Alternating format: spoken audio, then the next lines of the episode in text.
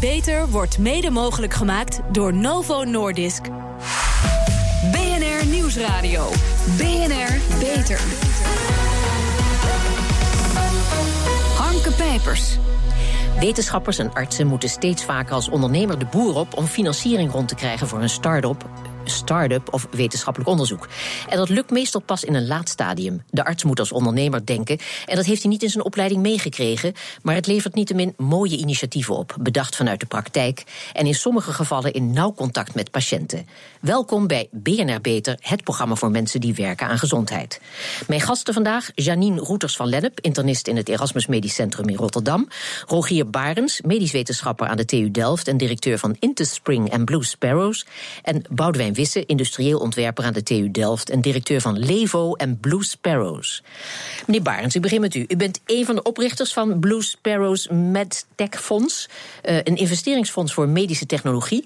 Ja, dat klopt. Jullie investeren geld in uh, medische start-ups, maar begeleiden en coachen ook. Vertel. Nou, wij zijn uh, momenteel ongeveer, denk ik, het uh, jongste investeringsfonds van Nederland. en wij combineren ondernemerschap, netwerk en ervaringen met financiën. en op die manier zijn wij ervan overtuigd dat wij een hele hoop jonge starters sneller naar het juiste niveau van ondernemerschap kunnen brengen. Ja, u werkt samen met het UMCG, hè, nu officieel als groep heeft u zich gelanceerd. Maar er wordt ook wekelijks kennis en kunde gedeeld, zoals dat heet. Ja, zeker. Maar wij zijn ooit begonnen als een, uh, een club uh, ondernemers die heel veel van elkaar leerden. Uh, wij hebben bijvoorbeeld uitdagingen op het gebied van clinical trials, certificeringen. Hebben we allemaal met elkaar gedeeld hoe kunnen we dat beste oplossen. Uh, en wij denken dat wij die kennis die wij in de medische technologie hebben opgedaan, uh, ook kunnen delen met hele jonge start-ups. En daar hen ja. dus mee kunnen versnellen. Want als ik het goed heb begrepen, zijn jullie een groep met uh, zeven jonge honden. En zijn er ook twee Silver Sparrows in dienst, twee ervaren fondsbeheerders. Want die kennis hebben jullie hard nodig. Ja, als het belangrijkste wat je als ondernemer moet doen is erkennen van waar je hiaten zitten. Mm -hmm. En die ga je invullen met de juiste mensen. En wij zijn ondernemers. We hebben heel veel verstand van ondernemerschap, waarbij we nieuwe medtech ideeën naar de markt toe brengen. Maar fondsmanagement was natuurlijk voor ons ook nog helemaal nieuw. Dus dan ga je op zoek naar ja. ondernemende fondsmanagers die het al vaker hebben gedaan. Ja. En samen met hen voor, vormen wij nu de, de negen Sparrows. Ja, en, en jullie nemen ook startende ondernemers aan de hand, omdat medische start-ups ondanks goede ideeën vaak Waar gaat het nou zo vaak mis bij startende ondernemingen? Nou, ik denk dat uh, het begint met uh, een hele hoop enthousiasme. Je hebt een hele sterke focus, maar ondernemerschap uh, gaat veel verder dan alleen een goed idee hebben. Ja. en in die focus kan het vaak zijn dat je bijvoorbeeld kaststroom even uit de oog verliest. Hè? En dat zijn toch wel hele vervelende dingen als je op een gegeven moment uh, je personeel niet kan betalen. Ja, zeg, en dan heeft u het ook over uw eigen verleden als ondernemer, zeker. waarin u bijna failliet bent gegaan? Zeker, zeker. Ik denk dat wij. Of mag u daar niet aan herinnerd worden? Nee hoor, ik denk dat dat zijn de beste lessen. Ja. We zijn uh, twee keer hebben we het al uh, twee keer hebben we het best wel eigenlijk pittig gehad, waarbij mm -hmm. we op een gegeven moment flink moesten reorganiseren en dan ga je dus ook achteraf ga je afvragen van ja, oké, okay, hoe zijn we in zo'n situatie terechtgekomen? Ja, en in negen van de tien gevallen praat je gewoon eigenlijk over heel simpel over gewoon kaststroom. Hè? Dus je bent aan het groeien, je moet werkkapitaal moet je aantrekken. Het zit maar in de producten die je in de markt zet. En je moet op een gegeven moment toch weer je, produ je producenten gaan, uh, gaan betalen. Ja. ja. dat, zijn, dat is één van de simpele voorbeelden die je tegen kan komen als ondernemer. Um, maar het belangrijkste waar we ons natuurlijk op moeten focussen is uh, de zoektocht naar je klanten. Wat willen je klanten nou echt? Ja. Uh, en het toetsen van je product in de medische, medische wereld. Ja. Mevrouw Roeters van Lennep, u bent internist in het Erasmus Medisch Centrum. U werkt samen met de Hartstichting. U had zoals zoveel collega's ook problemen hè, met financieringen van uw wetenschappelijk onderzoek. Dat kost, heb ik begrepen, ook ontzettend veel tijd Zeker. om die voorstellen en financieringsaanvragen te schrijven. Het is stom vervelend. Maar u bent bezig met crowdfunding voor uw onderzoek naar het vrouwenhart. Daar gaan we straks verder over praten. Maar eerst die centen waarmee u vooral de vrouwelijke crowd weet te interesseren. Hoe staat het daarmee? Nou, het gaat heel goed. Mm -hmm. het, is een, uh, uh, het is vrij nieuw in de wetenschappelijke wereld om je onderzoek uh, op een andere manier dan gebruikelijk. Normaal schrijf je inderdaad, hè, ben je heel erg aan het schrijven voor de experts. Ja. Die beoordelen dat onderzoek vrij ondoorzichtig proces. En dan krijg je een ja of een nee. Aan de andere kant zijn er donateurs, mensen die iets willen doen voor liefdadigheid en storten naar die grote fondsen. Ja. En met behulp van de crowdfunding krijg je dus zelf contact met die donateurs. Ja, um, dus u creëert maatschappelijk draagvlak. Exact. En ja. dat is ook wel weer heel bijzonder en heel leuk. Want je staat in heel direct contact ja. met de mensen die uiteindelijk uh, ja, baat hebben bij jouw onderzoek Of die denken van nou, dit is zo'n geweldig idee, dit moet gewoon gesteund Ja, worden. want, want u heeft via patiëntenportalen van de Hartstichting, zo heet dat, onderzoeksvragen gesteld. En, en de respons die was enorm, hè? Ja, dat klopt. De patiëntenvereniging van de uh, Hartstichting, die heet de Hart- en Vaatgroep. En die hebben me in een voorstadium van deze onderzoeksbeurs hebben ze mij gesteund. En ik wilde heel graag weten hoe mijn onderzoek nou eigenlijk landde. En wat de ja, patiëntengroep, in dit geval dus vrouwen, vonden van mijn onderzoek. Of ze het belangrijk vonden en of ze nou ja, de noodzaak voor dit onderzoek erkenden en herkenden. En toen bleek dus dat er in twee weken tijd, normaal hebben ze dan bij zo'n vraag 300 of 400 mensen, maar nu waren het er 1500 vrouwen die, eh, die antwoord gaven. Ja. Zeg, en, en de Hartstichting helpt dus om de financiering rond te krijgen voor meer onderzoek. Maar eh, de Hartstichting verdubbelt ook het bedrag dat u bij elkaar weet te krijgen. Om hoeveel gaat het? Wat moet u bij elkaar halen? In totaal moet ik 25.000 euro bij elkaar krijgen met crowdfunding. Oh. En de Hartstichting verdubbelt het naar 50.000 Ah, euro. Ja, crowdfunding is in de medische wereld niet nieuw. Hè? Vrienden van eh, Utrecht Stichting Proefdiervrij bijvoorbeeld, die doen het ook allemaal. Maar het gaat niet altijd goed. Waarin bent u nou anders? Nou, wat anders is, is denk ik dat het een hele gelimiteerde tijd is. Vanaf Ja. 3 mei tot 30 juni heb je de tijd om het bij elkaar te krijgen. En dat geeft dus wel een soort van noodzaak van als je wil storten, moet je het nu doen. Ja, ja. Ik denk ook de Ja, samenwerking. dat is dan toch redelijk spannend, want dan heeft u niet zoveel dagen meer. Nee, dus daar, daar, daarom krijg je het ook makkelijker bij elkaar dan dat het altijd open staat. Ja. Het bedrag is relatief nog nou ja, goed bij elkaar Ja. te krijgen. En ik denk dat Ja, nee, anders... dat hoop ik. Want eh, als ik u even in de reden mag vallen, stel een pijnlijke vraag. Maar als u het vereiste bedrag niet haalt binnen de deadline. ja. ja. moet u dan al die bedragjes gaan terugstorten? Alle bedragen worden allemaal teruggestort. Moet je niet aan denken, Ja, nee. ik ook niet. Maar Nee. ik, ik hoop ook, ik denk ook dat het niet gaat gebeuren. Maar Zeg, en en met welk crowdfundingbedrijf werkt u samen? Oh, dat, is, dat heeft de Hartstichting geregeld. Oh. Dus dat is een platform. Ja, echt als echte, echte arts weet ik daar weer heel weinig van. Ja. En met dat bedrag, die 50.000 euro, uiteindelijk eh, hoopt u eh, pilot studies eh, aan te zetten tot, en dan grotere studies te initiëren. Hè? Exact. Meneer Wisse, u bent een van de medeoprichters van Blue Sparrows. Dat zijn toch vaak jonge mensen, of worden ook gevestigde artsen zoals mevrouw Roeters van Lennep geholpen? Jazeker. Het gaat heel erg om de samenwerking tussen de arts en de ondernemer. Dus wat we zien is dat er heel veel verschillende teams komen, Ja. eh, waarbij een arts vaak een centrale rol speelt. Ja, zeg, en, en met welke investeerders werkt u samen? Dat, dat wil u niet zeggen, heb ik begrepen. Maar wel, misschien mag u wel vertellen, neem ik aan, uit welke sectoren ze afkomstig Ja, zijn. we hebben een industriële eh, eh, investeerder, dus iemand die echt eh, een groot bedrijf heeft neergezet in de medische technologie. We hebben iemand uit de verzekeringswereld eh, en we hebben dus de universiteiten. Dus we hebben eigenlijk alle zuilen hebben we vertegenwoordigd in onze investeerders. Ja. En, en over welke bedragen hebben we dat over het algemeen? Eh, we hebben het over enkele miljoenen die we in ons fonds hebben. oh ja, eh, dus niet te- over 50.000 euro. Nee, 50.000 euro is trouwens wel heel erg belangrijk. Ja. Dus eh, onze eerste stap eh, voor de startende ondernemer, waar we graag in willen investeren, is ook ongeveer 150.000 euro. Omdat we zien dat dat de stap is die je nodig hebt om tot een eerste proof of concept in de markt te komen. Ja. En kunt u een mooi voorbeeld noemen van die samenwerking? Jazeker, we, hebben, eh, eh, we zijn zelf eigenlijk eh, natuurlijk als starter ges- gestart Ja. in samenwerking met allerlei partijen. Eh, we hebben elkaar onderling ook verder gebracht, zoals Rogier net heeft verteld. Maar we zien ook dat er nu al met, met, met heel veel partijen in de markt zijn we aan het kijken. De, de jonge starters. Ja. En die kunnen we eigenlijk in contact brengen met specialisten of met marktpartijen. Zodat er eigenlijk meteen een scherper businessplan ontstaat. Ja. Zeg, en, eh, eh, alle negen sparrows hebben al de nodige ervaring hè, met het ondernemerschap. Vaak met vallen en opstaan, dat is duidelijk. Maar zou dit een onderdeel moeten worden van de geneeskundeopleidingen? Ik vraag dat omdat ik mij de discussies herinner, herinner van eh, een paar jaar geleden.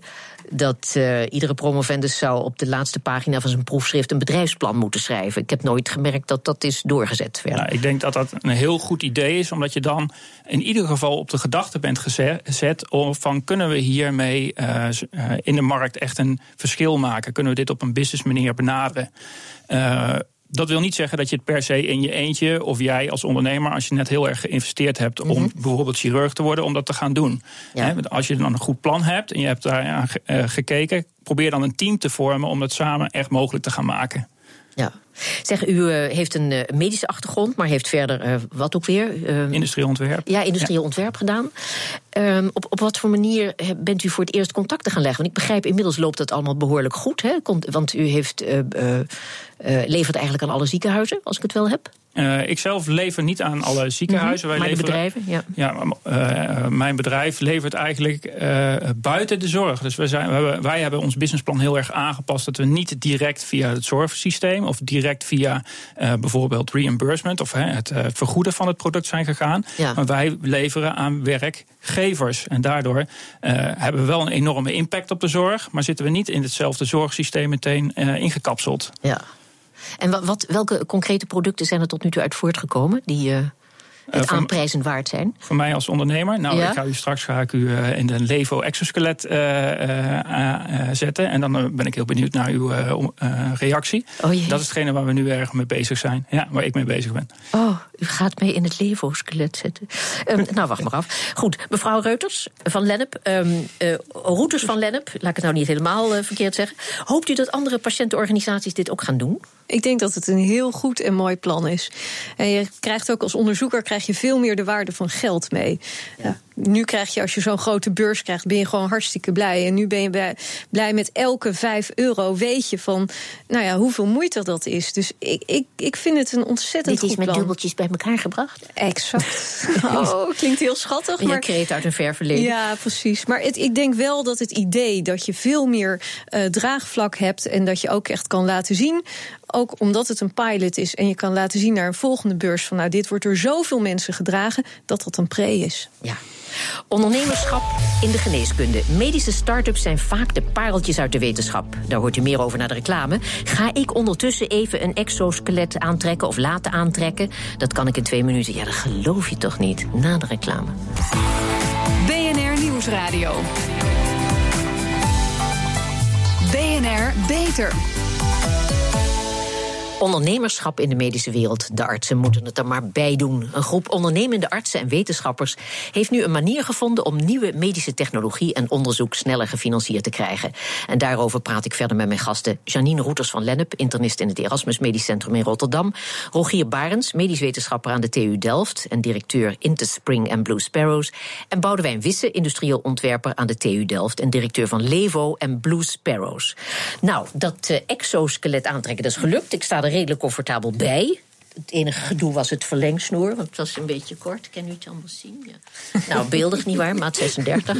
Um, met, met, hulp van Boudewijn Wissen, nietwaar, ja. de bedenker die dat al had aangekondigd. Maar ik had het bijna zelf gekund, want het is een kwestie van echt van twee klikjes te vergelijken met een kind in een wandelwagen klikken of in een autostoeltje. Dat kost alleen veel meer tijd dan mij zo'n pak aan doen. Goed, uh, meneer Wissen, u bent uh, de, de bedenker hiervan, hè? Ja. Uh, u bent industrieel ontwerper met een medische achtergrond, zeiden we al. Um, en bedenker van dit exoskelet. We kennen het als hulpmiddel vooral van mensen die hun uh, benen niet meer kunnen gebruiken. Bijvoorbeeld mensen na een, uh, een dwarslesie. Dat ja. heeft letterlijk nog heel veel om het lijf. Maar de Levo die ik nu aan heb is een eenvoudige versie waarbij de spierkracht van de gebruiker wordt ondersteund en niet helemaal uh, wordt vervangen. Hè? Want ja. ik kan nog zo heel veel zelf, zou ik maar zeggen.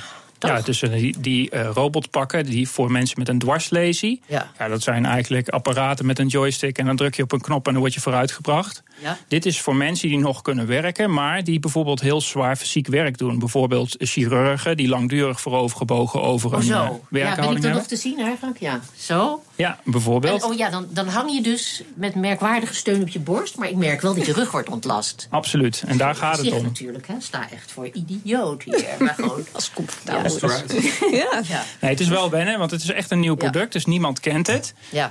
Uh, maar het helpt enorm tegen de rugklachten. Dus het neemt echt die rugbelasting weg. En als u weet dat uh, uh, 50% van de operatieassistenten bijvoorbeeld in de laatste drie maanden rugklachten ja. rapporteert, ja, dan is dat een enorm probleem. Ja. Gemiddelde leeftijd aan bed is 43 jaar, maar mensen gaan met rugklachten eruit. Dus dat is echt iets wat Ja. een enorme impact kan hebben op de gezondheidszorg. Ja, dat is gigantisch.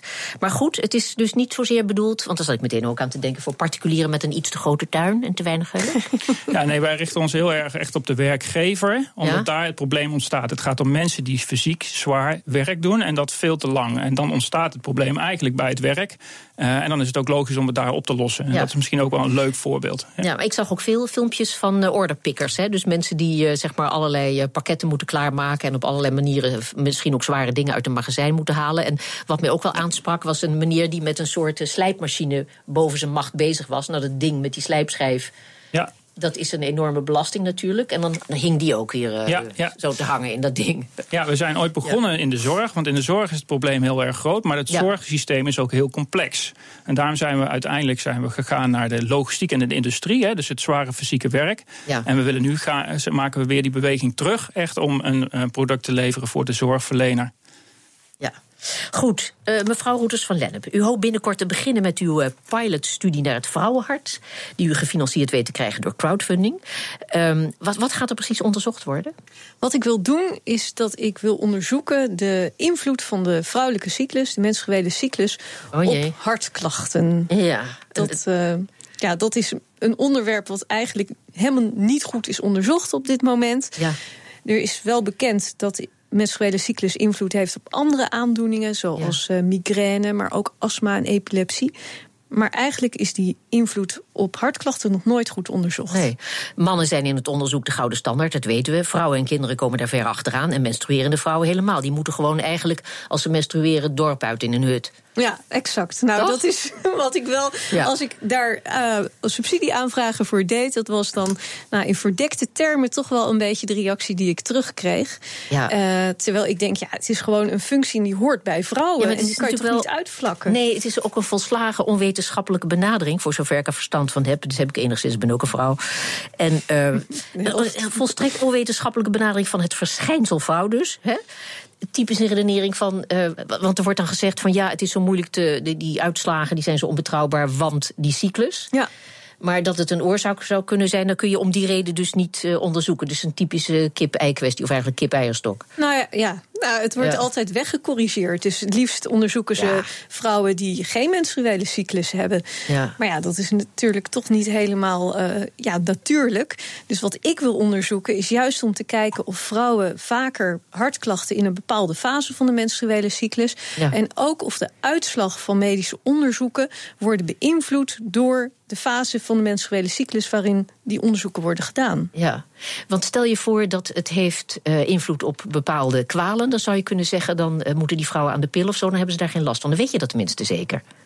Nou ja, nou bij, migraine, bij migraine wordt dat wel gedaan. Er wordt gezegd van nou slik de pil door en dan heb je geen cyclus. Maar wat je ook kan bedenken. Dus dat gaat al vanuit dat, van dat verband als dat, als dat is aangetoond, zou je vrouwen dat kunnen aanbieden. Maar wat anders is dat we normaal gesproken medicijnen de hele tijd doorgeven. Maar als je weet dat vrouwen alleen maar op een bepaald moment van de cyclus klachten hebben, kan je zeggen van nou gebruik alleen die medicijnen op dat moment. En dan scheelt dat ook weer medicijngebruik.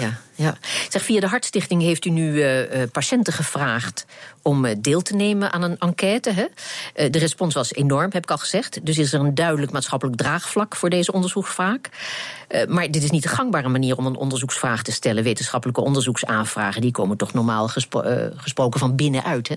Ja, dat klopt. Vanuit maar de instituties. Denk, vanuit het instituut, vanuit de wetenschappers, voor andere wetenschappers. En ik denk dat het mooie hiervan is dat het echt een samenwerking is. En juist door die samenwerking kan je je onderzoek nog verder en nog beter laten aansluiten op wat het veld wil. En kan je daardoor nou ja, de onderzoeken en de resultaten die je krijgt ook snel implementeren. Ja, goed. Uh, meneer Barens, wat zijn de internationale ambities? Ja, um, wij zijn sowieso. Van de Blue Sparrows. De focus die ligt uh, wel op Nederland. Want uh, wij hebben de meeste ervaring hier direct in Nederland. Uh, ook met aanvragen van. of de contact met producenten, met verschillende universiteiten, met de zorgverzekeraars. Maar een goed bedrijf heeft natuurlijk zeg maar, een ambitie die veel verder gaat dan onze grenzen. Dus uh, wij trekken ook, uh, ook bedrijven van buiten aan. Dus we hebben zelfs nu zeg maar uh, prospects die uit Londen hierheen zijn gekomen. Ja. die we klaarstomen voor de medische markt.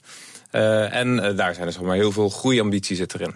Ja. Want ondertussen leveren de Sparrows zelf, die leveren ook al zeg maar, aan ruim 30 landen buiten, zeg maar, buiten Nederland. Dus die ervaring die hebben we ook.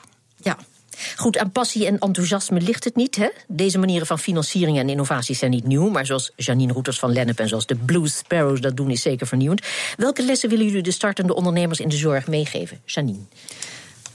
Ik denk dat het uh, belangrijk is om echt te kijken naar het, naar, het, naar het veld. En dat ook serieus te nemen. En aan de subsidiegevers zou ik zeggen: van kom een keer langs bij de Hartstichting. Want ik denk de manier waarop ze ons ondersteunen. Ik en de andere mensen die ook een crowdfunding zijn gestart, is echt fantastisch. Dus ook uh, daarin denk ik dat dat echt een voorbeeld kan zijn. Zeg, en waar kunnen mensen met belangstelling, menstruerende vrouwen en zo, waar kunnen die terecht? Nou, ze kunnen in ieder geval op de website kijken. Daar kunnen ze meer lezen over het onderzoek. www.steunmijnonderzoek.hartstichting.nl en dan routers van Lennep. Um, streepje van Lennep. Streepje, ja, ja. streepje, streepje van streepje Lennep. Ja. En um, nou ja, ook daar kunnen ze een kleine donatie doen. En dan komen ze met mij in contact. En uh, nou ja, dan, uh, dan uh, verhoud ik ze op de hoogte van het onderzoek. Ja.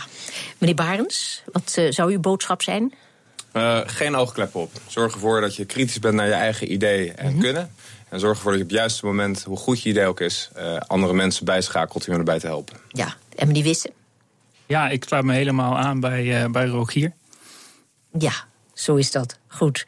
Um, en waar kunnen mensen terecht als zij uh, belangstelling hebben voor uh, uw uh, gouden business idee? Ze kunnen kijken op www.bluesparrows.nl en dan moeten ze vooral natuurlijk hun eigen gouden business idee meenemen. Ja. En dan kunnen ze daar ja, de ondersteuning van de Blue Sparrows bij krijgen. Ja. En, en ze kunnen niet zeg maar intekenen op producten die nu lopen. Zo werkt dat niet. Het is niet de crowdfunding zoals mevrouw Roeters van Lennep. Uh, nou, ze kunnen natuurlijk, als ze geïnteresseerd zijn in de ondernemingen van Rogier en van mij, kunnen ze kijken op onze websites. Uh, bijvoorbeeld op www.levo.nl, ja. www.interspring.nl. Uh, maar, er zijn, uh, maar het gaat hier om de Blue Sparrows en het feit dat we daar gewoon echt men, ja, impact willen maken op het zorgsysteem. Oké, okay. meneer Barens, over de toekomst gesproken, waar staan jullie over vijf jaar? World domination. World domination. Goed, met het exoskeleet. Ik doe nog één keer een uh, korte demonstratie. Daar hebt de radioluisteraar niks aan, want hij maakt geen lawaai. Nou, hij staat met beeldig, nietwaar? Goed, hartelijk dank. Dank u. Een derde van de wereldbevolking is te dik. Ja, lekker eten of een ijsje op zijn tijd met slagroom. Het is moeilijk om lekker eten te weerstaan. Maar blijven slanke mensen nu slank omdat ze strenger voor zichzelf zijn? Verslaggever Martijn de Rijk ging in gesprek met Ivan Wolvers, emeritus hoogleraar gezondheid en cultuur en blogger op dokterdokter.nl met de vraag. Slanke mensen zijn zo dun omdat ze strenger zijn voor zichzelf. Is dat een feit of een fabel? Dat is een fabeltje. Want? Uh, dat is absoluut niet zo. Wij zijn wie we zijn door onze genetische make-up. En dan moet je uh, vervolgens in een omgeving waarin er een overvloed aan voeding is... en allerlei manieren om het leven gemakkelijker, dus wat luier te maken. En uh, ja, dus je kan niet zeggen van dat ze strenger voor zichzelf zijn. Dan is het dus eigenlijk de omgeving die ervoor zorgt dat sommige mensen te dik zijn. Of, en steeds vaker mensen te dik zijn. Ja, ik zou niet zeggen sommige mensen te dik. Want uh, uh, er zijn heel veel mensen te dik momenteel. En dat was van de week uh, ruim in het nieuws. is een derde van de wereldbevolking heeft overgewicht of obesitas. En dat zit dan vooral ook bij jonge mensen ja, die in een omgeving moeten wonen waar uh, de mens nooit op voorbereid is geweest. Onze genen zijn ontwikkeld in relatie tot de uitdagingen die aan onze biologie gesteld werden. En uh, ja, dat was meestal honger en schaarste. nu kun je eten krijgen uit elke muur zo ongeveer. Ja, ja, waar je loopt. Je ruikt voedsel. Er worden advertenties voor voeding gemaakt. Het is bijzonder goedkoop. Als er dan ook nog veel suiker in zit, wat er aan toegevoegd is, wat verder niet nodig is. Want als God de lieve Heer ons uh, had willen voorbereiden op dit zijn, dan had er Coca-Cola door de rivieren gelopen en niet water. Wij zijn gewend aan water. En dat kun je nu in 50 jaar zomaar veranderen, die biologie. En ja, dus die omgeving, daar moeten we echt iets slims mee doen. Want we hebben in 50 jaar onze omgeving zo volledig veranderd. Ja, dan moeten we er nu tegenaan om er toch weer een beetje controle op terug te krijgen. suikertax? Dat is een volgende goed idee. Ja, dat zei Ivan Wolfers tegen Martijn de Rijk. En tot zover deze uitzending van BNR Beter. Op bnr.nl slash beter is deze uitzending terug te luisteren. We zijn ook op Twitter te vinden onder BNR Lifestyle. Dus heeft u tips voor ons? Laat het ons weten. Ik ben Harmke Pijpers. Tot een volgend spreekuur. BNR Beter wordt mede mogelijk gemaakt door Novo Nordisk.